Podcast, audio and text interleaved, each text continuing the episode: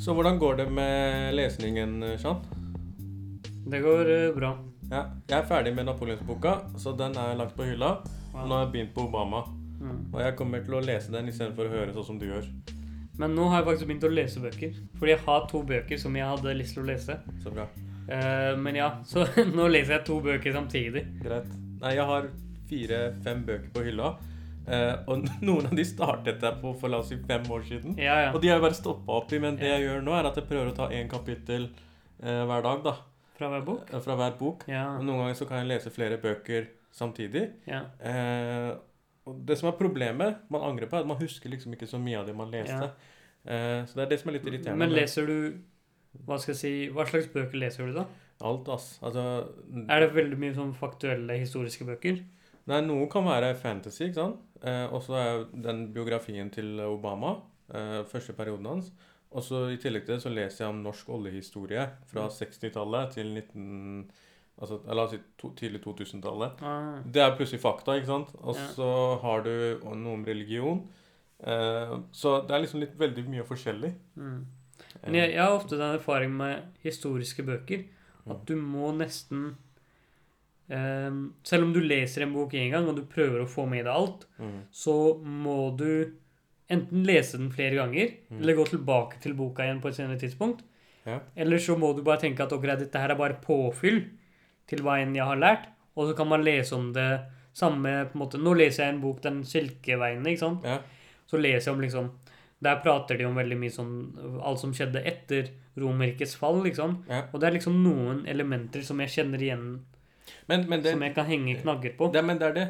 Altså, de knaggene har jo du fått med deg gjennom årene, ikke sant? Mm, Også en bok hjelper jo deg til å på en måte lage et sånn helhetlig bilde ja. eh, av en epoke eller æra. Ikke sant? Hvordan eh, Gjennom oppveksten så har jeg hørt om Napoleon. Ja. Eh, jeg visste ikke hvilken tidsperspektiv det var. Nei, ikke sant? Var det før eller etter revolusjonen? Mm. Nå er det liksom klinkende klart i mitt hode. Det er de årstallene der. Ja, ja. Og så vet jeg også hvorfor Metternich og alle liksom kontrarevolusjonen kom. Ja. Skjønner du? Ja. Så etter en sånn historisk bok så er det så mye som setter seg på plass. Ja, ja. Så du trenger liksom ikke nødvendigvis huske boka. Nei, nei. Ja. Jeg leste jo Henry Kissinger sin 'Diplomacy'. Ja. Det er en ganske feit bok, og den starter på sånn årtusenskiftet. 1700-1800. Ok. Um, og tar for seg veldig detaljert opp mot liksom veldig nyere historie, da. Ja. Men det er sånn jeg leste den for mange år siden nå, så jeg husker liksom fragmenter. Mm. Og så føler jeg at okay, nå må jeg lese noe nytt, da, Ja. for å kunne Mm. eh, besøke igjen de Mm. Jeg husker noen hendelser, men jeg klarer ikke å sette det på riktig, i riktig tid, da. Ja. Uh, Nei, ja. men vi, vi kan jo anmelde fortløpende når vi blir ferdig med disse bøkene, da. Mm. Ikke sant? Uh, hvis vi har, mener det er noe som kan anbefales. Ja. Uh, men det vi skal snakke om i dag, er jo noe som skjer for tiden. Det, det er noe Pluss det, det er i hvert fall uh, mye som skjer på markedet, da. Ja. Uh, nærmere sagt på amerikanske børsen. Uh, og hva er det egentlig? Det er noen som har blitt multimillionærer. ja. Og det er jo sånn Den siste uken her nå Mm. så har folk som helt random, som ikke bryr seg noe om aksjemarkedet i det hele tatt, Mm. Begynt å spørre om hva, hva er det som skjer, eller Ja. hva er det jeg burde investere i, eller Nei. skal jeg Nei, nei, spørsmålet er Hei, hvordan kjøper jeg aksjer? ja, hvordan kjøper Eller sånn Hei, jeg vippser deg 1000 kroner. Kjøp den og den aksjen. Og det er sånn Hva mener? Det er ikke sånn det fungerer. Ja, så, men, Eh. men det har, tydeligvis så har jo liksom aksjekursøkningen da, i selskaper som GameStop, eh, Blackberry eh, og litt andre selskaper som har vært liksom Nokia Ja, og Koss. ja, noen som har vært litt sånn tenkt å være avleggs. Plutselig har de økt kursen med flere hundre prosent. Ja, I løpet av en Noen- dag. Noen få uker så er det liksom flere tusen prosent, Ja. og noen flere hundre i løpet av noen dager. Mm. Og det har Det har tydeligvis vært en utvikling som har vært villet fra et lite miljø, som eh, går etter uh, hashtaggen Wall Street Bets. Som er en samleside for eh, folk som driver med Ja, investerer i aksjer, da. Mm. Og diskuterer det. Og de har jo vokst enormt siden etter korona. Ja. Og det er jo veldig mange Vi har jo en gruppe i Norge også som heter Aksjeforum på Facebook. Mm. Som også har vokst helt enormt siden korona. Ja, ja. Fordi interessen har interessen rundt aksjeinvesteringer har økt så mye, da. Mm. Og vi ser jo også generelt på aksjemarkedet, både i Norge, men også veldig mange andre steder, Mm. at på enkelte aksjer og generelt i markedet så har eh, mange aksjer doblet, tredoblet og firedoblet seg i verdier. Eh, så det snakkes jo allerede før denne Mm. hele greia startet for et par uker siden, om at det er en boble ute og går. Ja. Eh, Men det som skjedde her, var jo at uh, disse store uh, Wall Street-hedgefondene de hadde jo satsa bettet på at de, noen av disse selskapene skulle gå under. Ja. Så de hadde jo bettet på at vi, vi kommer til å kjøpe den aksjen hvis den går over et visst beløp. Ja. Og hvis den ikke gjør det, så tjener jo de penger på det. Det er Ja. det som kalles for shorting. Ja. Eh, og da reagerte jo denne gruppen her. De tenkte vet du dette er mektige mennesker, eh, og de tror de kan gjøre dette her. La oss skyte aksjen opp i været. ja, Så det de gjør, er at de kjøper jo aksjen til høyere og høyere pris. ja, Så aksjen går opp, og de Ja. koordinerer kjøpene. Ja. Og da blir jo den der shortinga feila. Mm. De Wall Street-folka må kjøpe aksjer til en dyrere penge. ja. Og da går prisen enda høyere opp. Enda høyere opp. Og folk begynner å skjelve i buksene. Ja. Så prisen har jo gått på GameStop fra kanskje rundt 20 dollar per aksje Mm, mm. Til eh, over 500 dollar på et tidspunkt. og disse gutta her vil jo, eller disse folka her vil jo ta den opp til 1000. Ja. To the moon. To the moon, som det, ja. som det sies. tydeligvis da, så eh, er disse subgruppene har jo også skapt et sånn egen språk, ikke sant? Ja. To the moon og Diamond Hands og Ja, alle de- uh, og de har jo kjøpt opp annonseplass på eh, hva er det heter i New York? Uh, Times Square. Times Square. Ja. De har kjøpt opp annonseplass der. Ja, ja, men Med ene- anbefaling om å kjøpe gamer. Altså, grunnen til at de kan gjøre det, er fordi han ene for eksempel, gikk inn med 50 000 dollar Mm. for et år siden. Nå har han 42 millioner dollar, så de har penger. Mm. Og det andre er at dette her har fått sånn eh, støtte fra flere forskjellige ulike grupper. Eh, alt fra sosialister til uh, hy liksom hyperkapitalister. Mm. Altså, du har AOC som sier at markedet driver og uh, stenger for handel nå, Mm. uh, fordi at de store, sterke folka sliter. Mm. Du har Ted Cruz som hater på AOC, og som driver og støtter henne. Mm. Du har Elon Musk, og du har til og med han derre Shapiro. Ja. altså, det er en merkelig gruppe med mennesker, da. Mm. Så, og alle er med på dette. her. De mener at markedet allerede er rigget. Eh, det sies jo at disse Hvorfor skal hedgefondene og disse folka her eh, kunne drive med det de driver med? Mm. Og så sier de at dette her er ulovlig. Nettopp. Han Sissener sa tydeligvis at dette er en mafia som holder på. Ja. Jan Petter Sissener, som er det ikke det han heter? Ja. Som er norsk ja, aksje... Eller som er norsk investor, da. Ja. Uh, han gikk jo ut og sa noe sånt som at uh, disse folka her på Wall Street Bets, som er helt vanlige små investorer, uh, tenker ikke på at disse hedgehund-fondene, de har også eh, familier som, må, for, som de må mette. Ja, ja. Men, men det var en veldig morsom tweet. Okay. Eh, det, det har vært veldig mye memes Det rundt er dette her. mye memes. Ja. Men det er en som sier eh, Vi må ikke glemme alle de hemmelige familiene som hedgehund-folka må, må mette. Ja, ja. Altså, pro Problemet med sånne ting? For det første, det viser jo at markedet ikke er rasjonelt.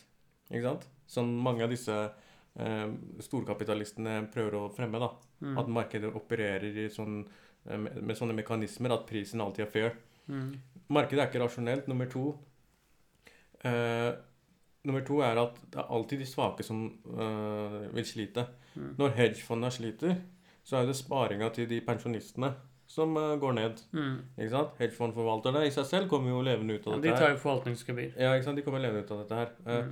Eh, Mm. eh, og da, disse småsparerne som driver og kjemper imot, det kan hende også mange av de også sliter. Fordi de henger jo seg på en bølge. Mm. Den bølgen kan kanskje kollapse. Yeah. Eh, og de som ikke var med på ved fra starten, de putter inn penger og er helt ferske i dette her. Yeah. Og det er det som er så skummelt her. Mm. Det, er no, mm, det er en sånn greie med at når du hører hver eneste person på gata yeah. snakke om aksjemarkedet når, du har, når du har folk som aldri har investert en krone, Mm. eller som vet hva en aksje er engang, Ja, ja. eh, snakke om det, så er det et tegn på at uh, nå kommer det noe uh, Nå kommer det et krakk, da. Men på andre siden så er det jo sånn at i Norge så Vi så jo rett etter korona at uh, Dette er min hypotese, da. Mm. Men at veldig mange begynte å pusse opp Mm. og startet prosjekter hjemme på hjemmebane. Mm. Eh, fordi da hadde man plutselig tid til det, ikke sant? Ja, ja. Og man etter at penger fordi nå, man drar ikke på ferie. ja.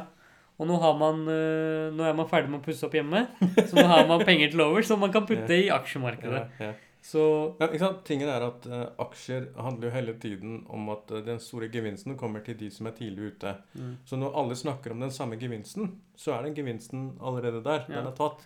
Så men, men, Ja. men i tillegg Nå har jo dette vært et spesielt år, ikke sant? mm, Og mange har startet med aksjer, aksjeinvesteringer, mm, nå siden mars, kanskje. mm. Eh, og i den tiden så har jo markedet bare gått opp, ikke sant?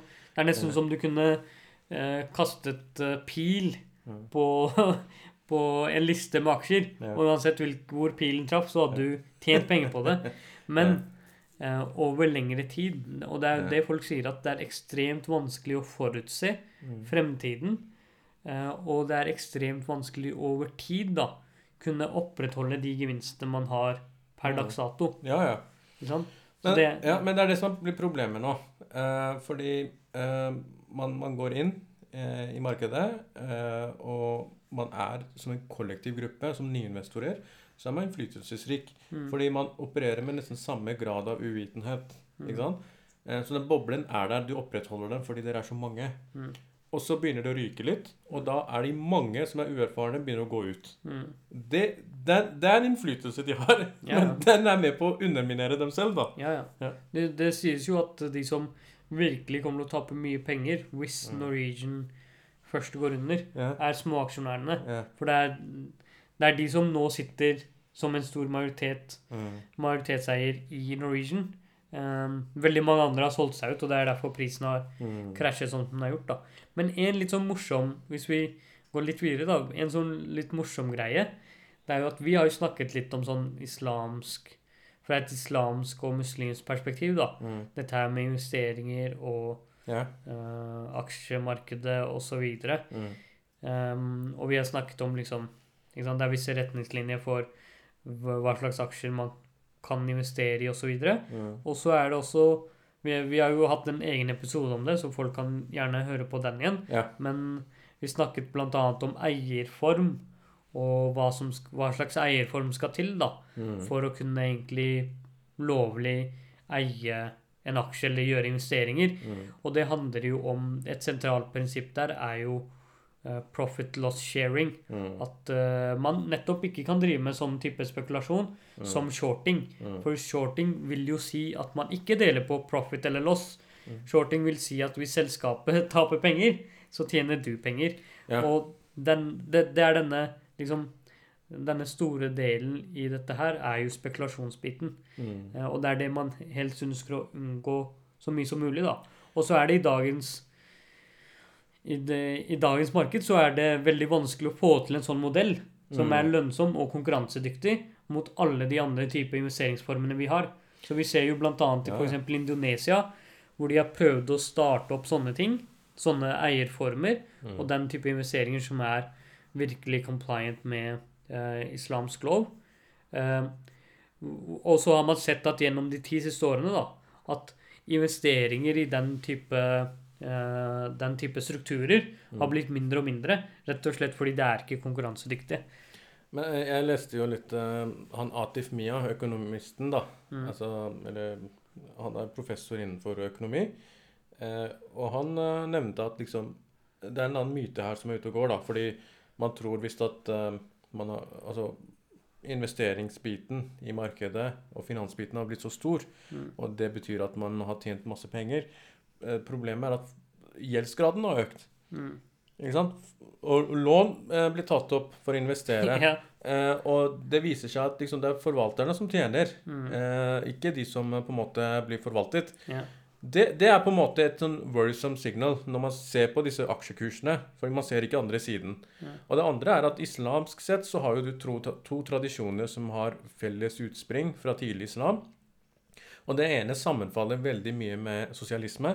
og Det andre sammenfaller veldig mye med kapitalisme. Mm. Eh, og tidligere i historien så var det sånn innafor alt som gjorde opprør mot kalifen, eh, og det som senere ble Shia, Mutazili, disse bevegelser, det var veldig sosialistiske bevegelser. Og det som det var etablerte sunni-dominansen, det, det var veldig innafor det som eh, blir kalt for eh, høykapitalistisk. Eh, Så det sistnevnte har jo ikke problemer med å regulere markedet. Ja. De er sånn, de trenger ikke å regulere. Det, det Prismekanismene går. Og det andre elementet er liksom den der som prøver å sette stopper. da. Mm. Tydeligvis har det blitt populært. Ikke sant? Man prøver å si at man, hvorfor skal man ikke fordele på risiko? Mm. Eh, hvorfor skal man det, det du sa i stad, at dette med å tjene penger på at noe, et selskap går under Hvorfor skal man tjene brød på andres elendighet? Mm. Det er jo et sentralt prinsipp i, som etisk sett. da. Man skal jo ikke gjøre det. Ja. Så ja, det er interessante perspektiver der. Ja. Ja. Og så har det eh, dukket opp en app, vi Mm. snakket litt om det her tidligere, Ja, ja, som heter Zoya, Ja. som faktisk er en app hvor du kan gå inn og se om en aksje, eller et, et selskap da, er sharia-compliant eller ikke. Ja. Så du kan gå inn på appen, Ja. og så kan du søke opp forskjellige selskaper. For eksempel, jeg søkte opp Apple. ja. Det var ikke Eller, det var questionable. Ok, så den er sånn Den er questionable. Okay. Søkte opp Netflix. Ja. Questionable. Hvorfor det? Jeg vet ikke. Er det noen film som ikke Ja, kanskje. Ja. Eh, eller veldig Sikkert mange filmer. Men eh, så er, har vi Amazon, Mm. Også Questionable. Ok. Så har vi Tesla. Ja. Den er sharia compliant. Tesla er Sharia compliant. Det er bra, da. De Hva driver. med Nike? Nike er også sharia compliant. Ja. Så problemet er jeg vet ikke hva som fordi For å kunne se... Det er det se som er problemet, da. Hva er kriteriene? Ja, for å kunne se kriteriene, så må du kjøpe Zoya Pro. Ja, men la, la, la oss se på Nike, da, for eksempel. Hvis for eksempel Amazon ikke er Sharia compliant, jeg regner med at det er kanskje fordi eh, arbeidernes betingelser og litt sånt, det er ganske tøffe tak der. Eh, kan kanskje være en tryggende årsak. Men Nike lagde hijab, da. Nike lagde hijab, men Nike kjøper også skoa sine fra eh, slavefabrikker i Kina, Ja. hvor ugur-muslimer må sitte og jobbe Ja, i konsentrasjonsleir. Eh, er ikke det en del av sharia compliance? tydeligvis ikke. Nei, Jeg vet ikke. Eller vi vet ikke. Ja. Du må ha Zoya Pro. Og hvis noen vurderer? kjøper Zoya Pro, fortell oss gjerne hva begrunnelsen er. Hva er. begrunnelsen? Eller kanskje vi skal gjøre det, Eh, så til researchformål. Gjøre research? Ja. Nei, det blir spennende. Eh, Folk får uh, gjøre som de vil med pengene sine, men uh, vi anbefaler dere ingenting. Ja. This is not a financial advisory. Eller ja, vi tar ikke noe To the Mars! Vi tok ikke noe ansvar eller noe som helst. ja, vi tar ikke det. Eh, så Nei, men det blir spennende å se, fordi dette er tydeligvis i nyhetsbildet, og mange har vist interesse for dette her, da. Mm. Eh, eh, så jeg tenker vi kanskje vi klarer å løse noen små problemer i hvordan markedet funker nå, og får belyst folk på det, ikke sant. Det er, Flere blir jo Veldig rart, da, fordi det er liksom grådigheten av som engasjerer mange. Og så blir, og så blir er- saken om til Ja. Og det er den derre fair of missing out. Sånn, du, du hører naboen din, som ikke kan noe om aksjer, tjener haugevis av penger. Og det, det er liksom Det høres ut som det er gratis penger der ute. ja. Eh, det er da fair of missing out som gjør at eh, veldig rasjonelle mennesker ellers ja. kan finne på å Det er gjøre hype, det er hype, ikke sant? Men tingen er at for at du skal kunne få solgt den aksjen og tatt den profitten, Mm. så må noen andre kjøpe den aksjen. Ja. Og for at de, den andre skal kjøpe den aksjen, så må den andre være oppriktig gå rundt og tro på at en aksje skal bli verdt mer. Noen må Noen må ta det tapet på et eller annet tidspunkt. ja. Yes. Uh, og så er det noe annet uh, som skjer, da. Over til noe helt annet. Og det er jo Ikke helt annet. Ja. Det handler jo om korrupsjon, da. ja. Så vi kan tra, ta den overgangen. Vi trenger liksom ikke koble ting Du så desperat. Skjønner Alt. du? Hvem var det som sa det, at alt henger sammen? sammen? Gro Harlem. Ja. Eh, alt henger sammen med alt. Eh, hvordan finner man veien her? Eh, vi skal i hvert fall til Russland. Eh, og Navalny, Mm. opposisjonspolitiker, Aleksej Navalnyj. ja, eh, aka Balls of Steel. Ja. Eh, og ja, jeg vet de fleste har jo fått med seg at eh, opposisjonspolitiker eh, kom til fame med å organisere demonstrasjoner. eh, ble forgiftet på et tidspunkt, kom seg til Tyskland, fikk behandling og bare 'Jeg skal tilbake'. ja. Så han dro tilbake. Mm. Så Og nå, er det liksom ny runde, da. ja. Så Aleksej Navalnyj er jo en eh, advokat, utdannet advokat, som har jobbet siden Du kan si slutten av to, Eller rundt 2008. Mm. Det er da i hvert fall man ser hans aktivisme kom til lys. Mm. Og det hele startet med at han investerte penger, faktisk. Her har vi en fin overgang. Okay. Han, han kjøpte noen aksjer yeah. i en del sånn russisk statseide selskaper, yeah. som typ Ga Gazprom og alle disse Ja, noen av disse store selskapene, da. yeah. eh, som driver med både produksjon av gass og produksjon av rør og Ja, ja. alt mulig rart. Og ved å kjøpe disse aksjene, så, så krevde han å få, få noen dokumenter, noen regnskapsdokumenter eller et eller annet fra dem, Mm. eh, som visstnok beviste at det var en del korrupsjon der, da. Mm. Og det var sånn han startet, at han eh, gjennom mange år, fra kanskje 2008 og frem til 2012, da, holdt på som en aktivist Mm. som avslørte noen av Russlands rikeste mennesker eh, i korrupsjonssaker. Mm. Noen av disse sakene fikk noen konsekvenser. Andre saker ble liksom eh, skyvd under teppet. Mm. Det som skjedde, var at etter hvert så begynte han å beefe Og han har holdt på med dette her liksom relativt fritt, da. Mm. Uten å ha noen veldig sånn politisk eh, eh, et politisk engasjement nødvendigvis. Ja. Og så begynte han å beefe med Medvedev, som Med- er, mm, som er tidligere eh, statsminister og- i. Russland. Mm. Eh, og han begynte å beefe med Putin. Ja. Og det var da ting begynte å gå litt eh, skeis eh, for han. Eh, så Så, opp, liksom Og i tillegg til det så stilte han til guvernørvalget i Moskva. Ja. Ikke sant? Så, og Fordi- det, fordi- skapte jo mye ja. engasjement. Og, fordi, og grunnen til at de holdt det valget, Mm. var egentlig bare for å skape et bilde av at her har vi demokrati. Mm. Det, vanligvis så er disse setene, da, Mm. disse guvernør eller mayor of Moskva, eller hva det heter, det er eh, posisjoner som du blir tilsatt oh, ja. til. Ja, ok. Um, men de bestemte ja, vet du hva, la oss ta et valg. La oss bare gi folk eh, underholdning, på en måte. Ja, ja. Men liksom, la oss vise at vi letter litt opp. Ja. Eh, men det backfira jo. ja. Fordi han begynte å engasjere folk. Mm. Eh, og ja.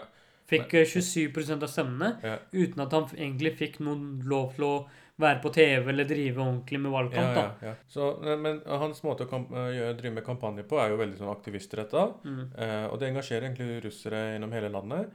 Eh, og han har liksom egentlig tatt til seg litt sånn liksom, Han er liksom På verdispørsmål så er han liksom litt mer på nasjonalistsiden. Ja, Han er nasjonalist. Ikke sant? Og, og han har sagt og gjort ting tidligere som på en måte er veldig ekstreme. Ja. Eh, men det virker som om på en måte han har gått over til en sånn opposisjonell politiker som prøver å eh, få saken til å handle om korrupsjon. Mm. Men også kanskje noe som gjør ham til en, på en måte en sånn tålelig aktivist i Vesten også. Ja. Eh, så liksom de der negative tingene han har sagt før om muslimer som kakerlakker og innvandrere, Mm. de er ikke der i bildet lenger. Nei. Han er veldig nasjonalist, det er han. Mm, mm. Altså Partiet hans tror jeg heter Progress Party. Ja. og han sam samarbeider med et parti som Hele partiet er tuftet på deres motstand mot eh, immigrasjon. Ja. Eh, og han har en blogg hvor han spyr ut ganske mye hat mot eh, muslimer og veldig mange andre. Og det er veldig rart, fordi at, at Putin skal liksom være motparten her. Ja. Skal Putin være den som er for eh, La oss si multikultur og eh, være tolerant mot muslimer, når fyren var liksom sto bak krigen i Tsjetsjenia, Mm. uh, når fyrens politikk medfører at syrere blir drept, Ja. ikke sant? Alt det der. Og som fyren som driver finansierer Le Pen og høyreradikale grupper i Europa. Mm. Ikke sant? Så, så det, alt dette illusjonsbildet endrer seg. Problemet er at for Putin er det veldig lett å kjøpe til seg det han hele tiden gjør, da, innflytelse i Vesten, Mm. hvor den innflytelsen i Vesten sier at Navalny er en nazist. Mm. Det er veldig lett for han å si. Mm. Det er akkurat sånn som Putin driver og finansierer folk i Vesten til å si at uh, White Helmets i Syria er egentlig Al Qaida. Mm. Ikke sant? Så, så det er veldig lett å bruke disse tingene også. Ja, Det er det. Men Putin har jo en sånn greie med at han ikke sier navnet hans. Han kaller ham bare mister eller et eller annet. Så han nekter. Og visstnok er det en sånn greie Han som ikke skal bli nevnt. ja, i det offentlige apparatet Ja. om at de ikke kan si navnet hans. Okay. Og så ble det en sånn sak ut av det her, da. Eh, I russisk media. Ja. Og så spurte de en sånn eh, myndighetsperson om ja, er dette en greie. Eh, og så sa han nei, nei, det er ikke noen greie, vi har ikke noe problem med å si navnet hans. Men han sa aldri navnet hans. Ja, ja. Så eh, Putin har jo prøvd å ha et forhold til han hvor han ikke nevner han, fordi han ønsker ikke å gi han den type oppmerksomhet, eller Men problemet er at det funker jo ikke nå. Ikke? Når han ble først forgiftet, og vi har sett lignende tilfeller Putin har stått bak det der. Mm. Når han først ble forgiftet, så virka det som eh, Moskva begynte å skjelve. Tenkte vet du, han kan ikke dø i Russland. Ja. De sendte ham til Tyskland. La ham dø der. Ja. Han ble bedre. Og det, det, var, det var sånn at han kom frem akkurat tidsnok. Nettopp. Men tingene, han gadd ikke være der igjen, så han dro jo tilbake. Og da har jo plutselig Putin han i fanget igjen. Mm. Og i mellomtiden har han rukket å bli verdenskjent. Mm. Nettopp. Og Og, så har liksom Trump gått ut, og Mm. Biden er inne. Så Ja. hvor mye mer mulighetsrom har Putin, da? ja, Biden har jo mm, fra dag én prøvd å kjøre et hardt uh, standpunkt på dette her og si at uh, Russland må frigi Navalnyj. Uh, og grunnen til at han sitter inne, er jo fordi han har noen sånn korrupsjonsanklager.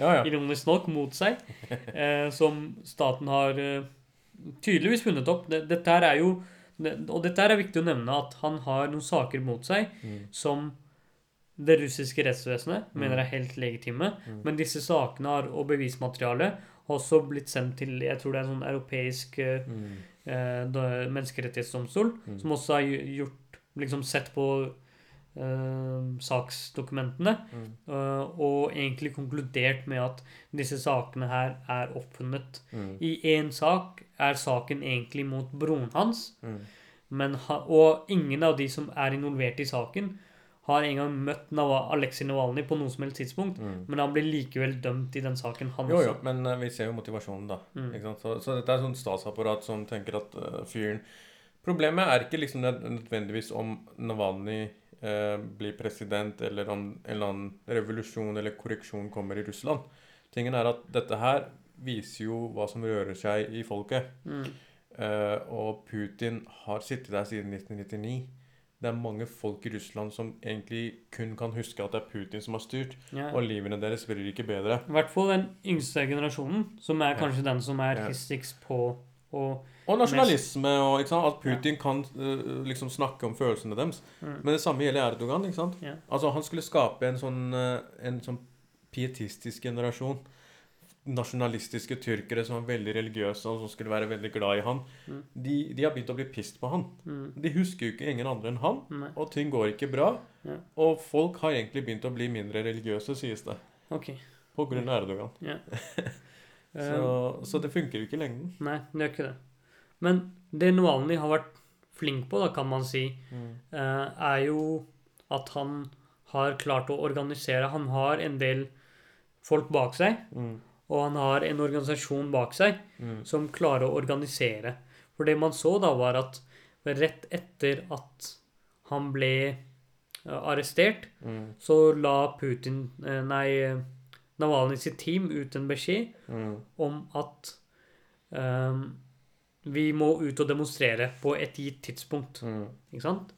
Um, så det som skjedde, var at Russland har jo åtte eller ni tidssoner. Ja. Så klokken to på en dag forrige uke på lørdag eller noe sånt, så var det bestemt at man skulle demonstrere.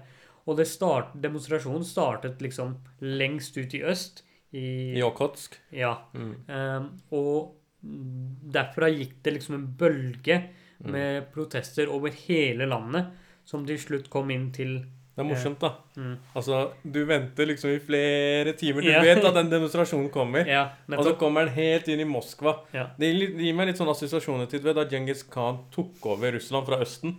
Bare, Du vet, den kommer! ja, Den kommer! Den kommer, Og så kom den. Ja.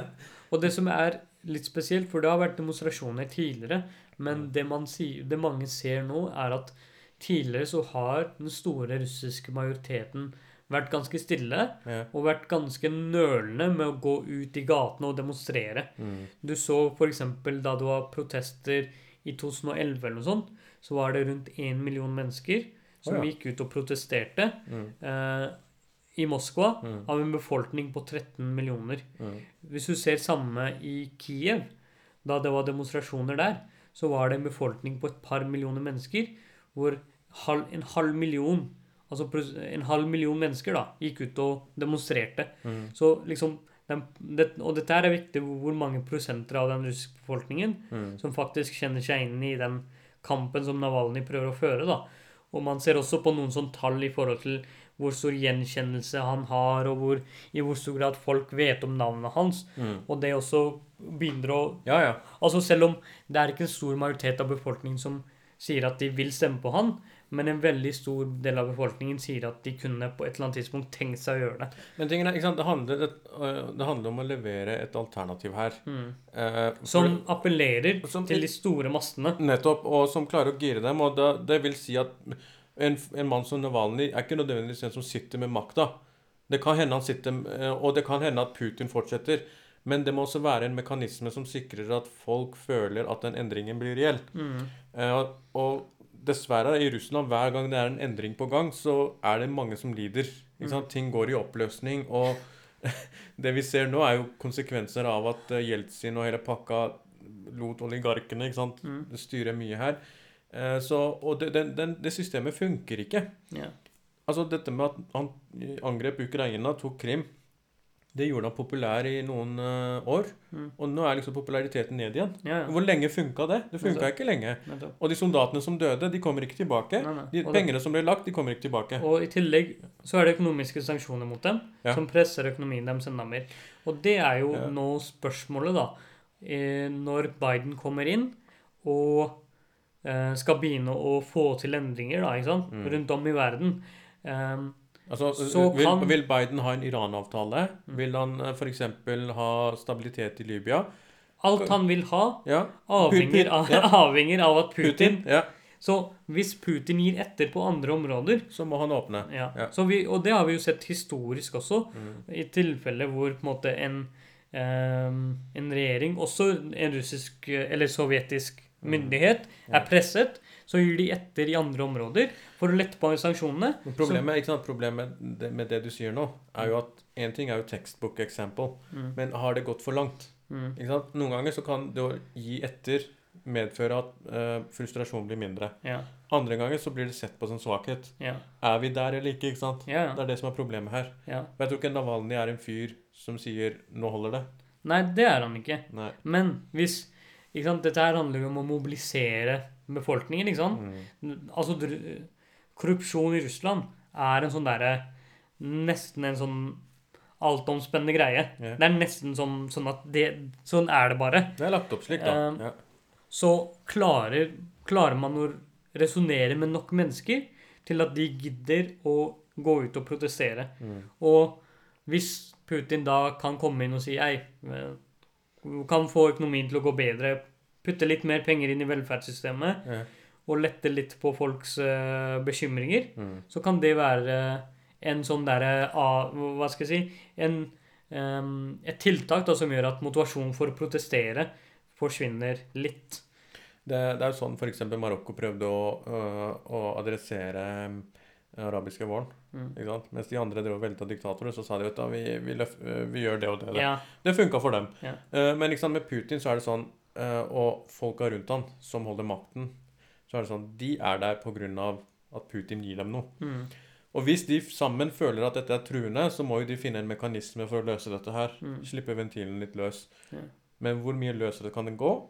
Ja. Hvem skal ofres? Ja. Kan Putin fremforhandle noe her? nettopp. Så kan han bli sittende igjen? Fordi, Eller er det, er, er det kjørt? ja, fordi de tingene som Navalny nå bringer opp, da, f.eks. med dette palasset hans, er jo ting som har vært kjent i Russland lenge. Mm.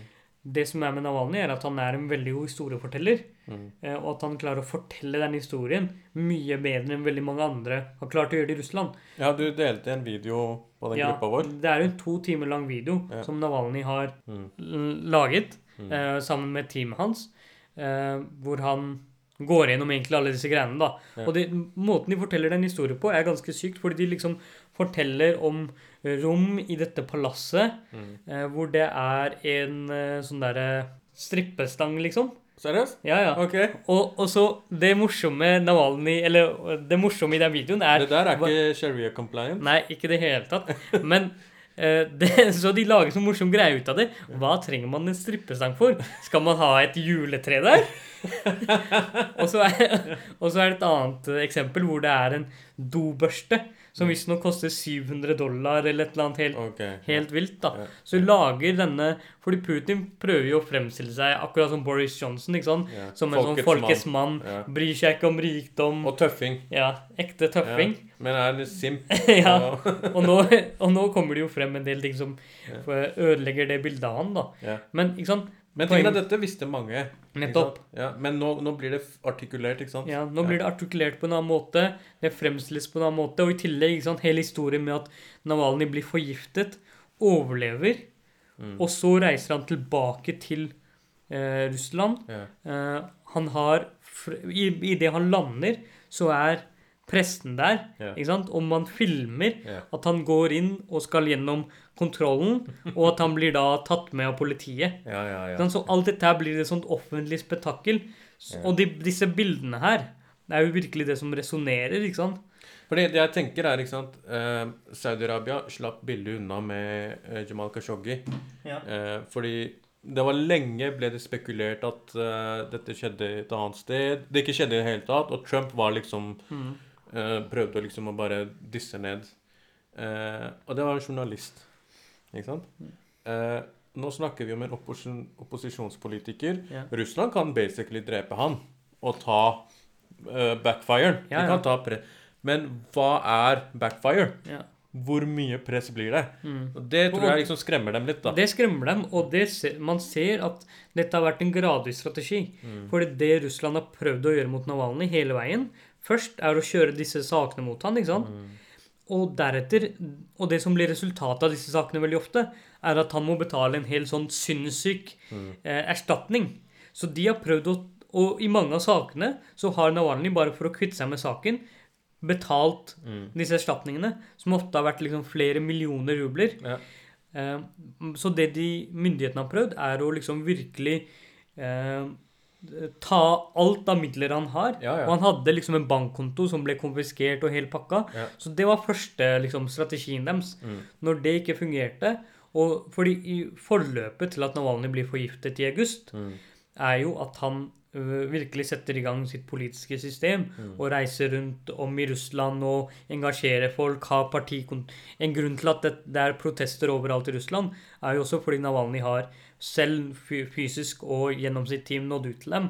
Som holdt på å bygge sitt system, ikke sant. Og Men da det er- tenkte ja. russerne ok, greit, kanskje vi skal bare drepe han, da. Men det er ikke sant, dette gir assosiasjoner litt til eh, arabiske våren. Eh, og alt, ingenting kan settes likhetstegn på. Ikke sant? Vi har jo snakket om skyggesiden med Navalny. Men jeg tenker, eh, på en side så har du en diktator som fucker opp ganske mye både i Russland og i regionen. I arabiske våren, under den, så På et eller annet tidspunkt så ble det så ble frykt et element som ikke eksisterte lenger. Ja, nettopp.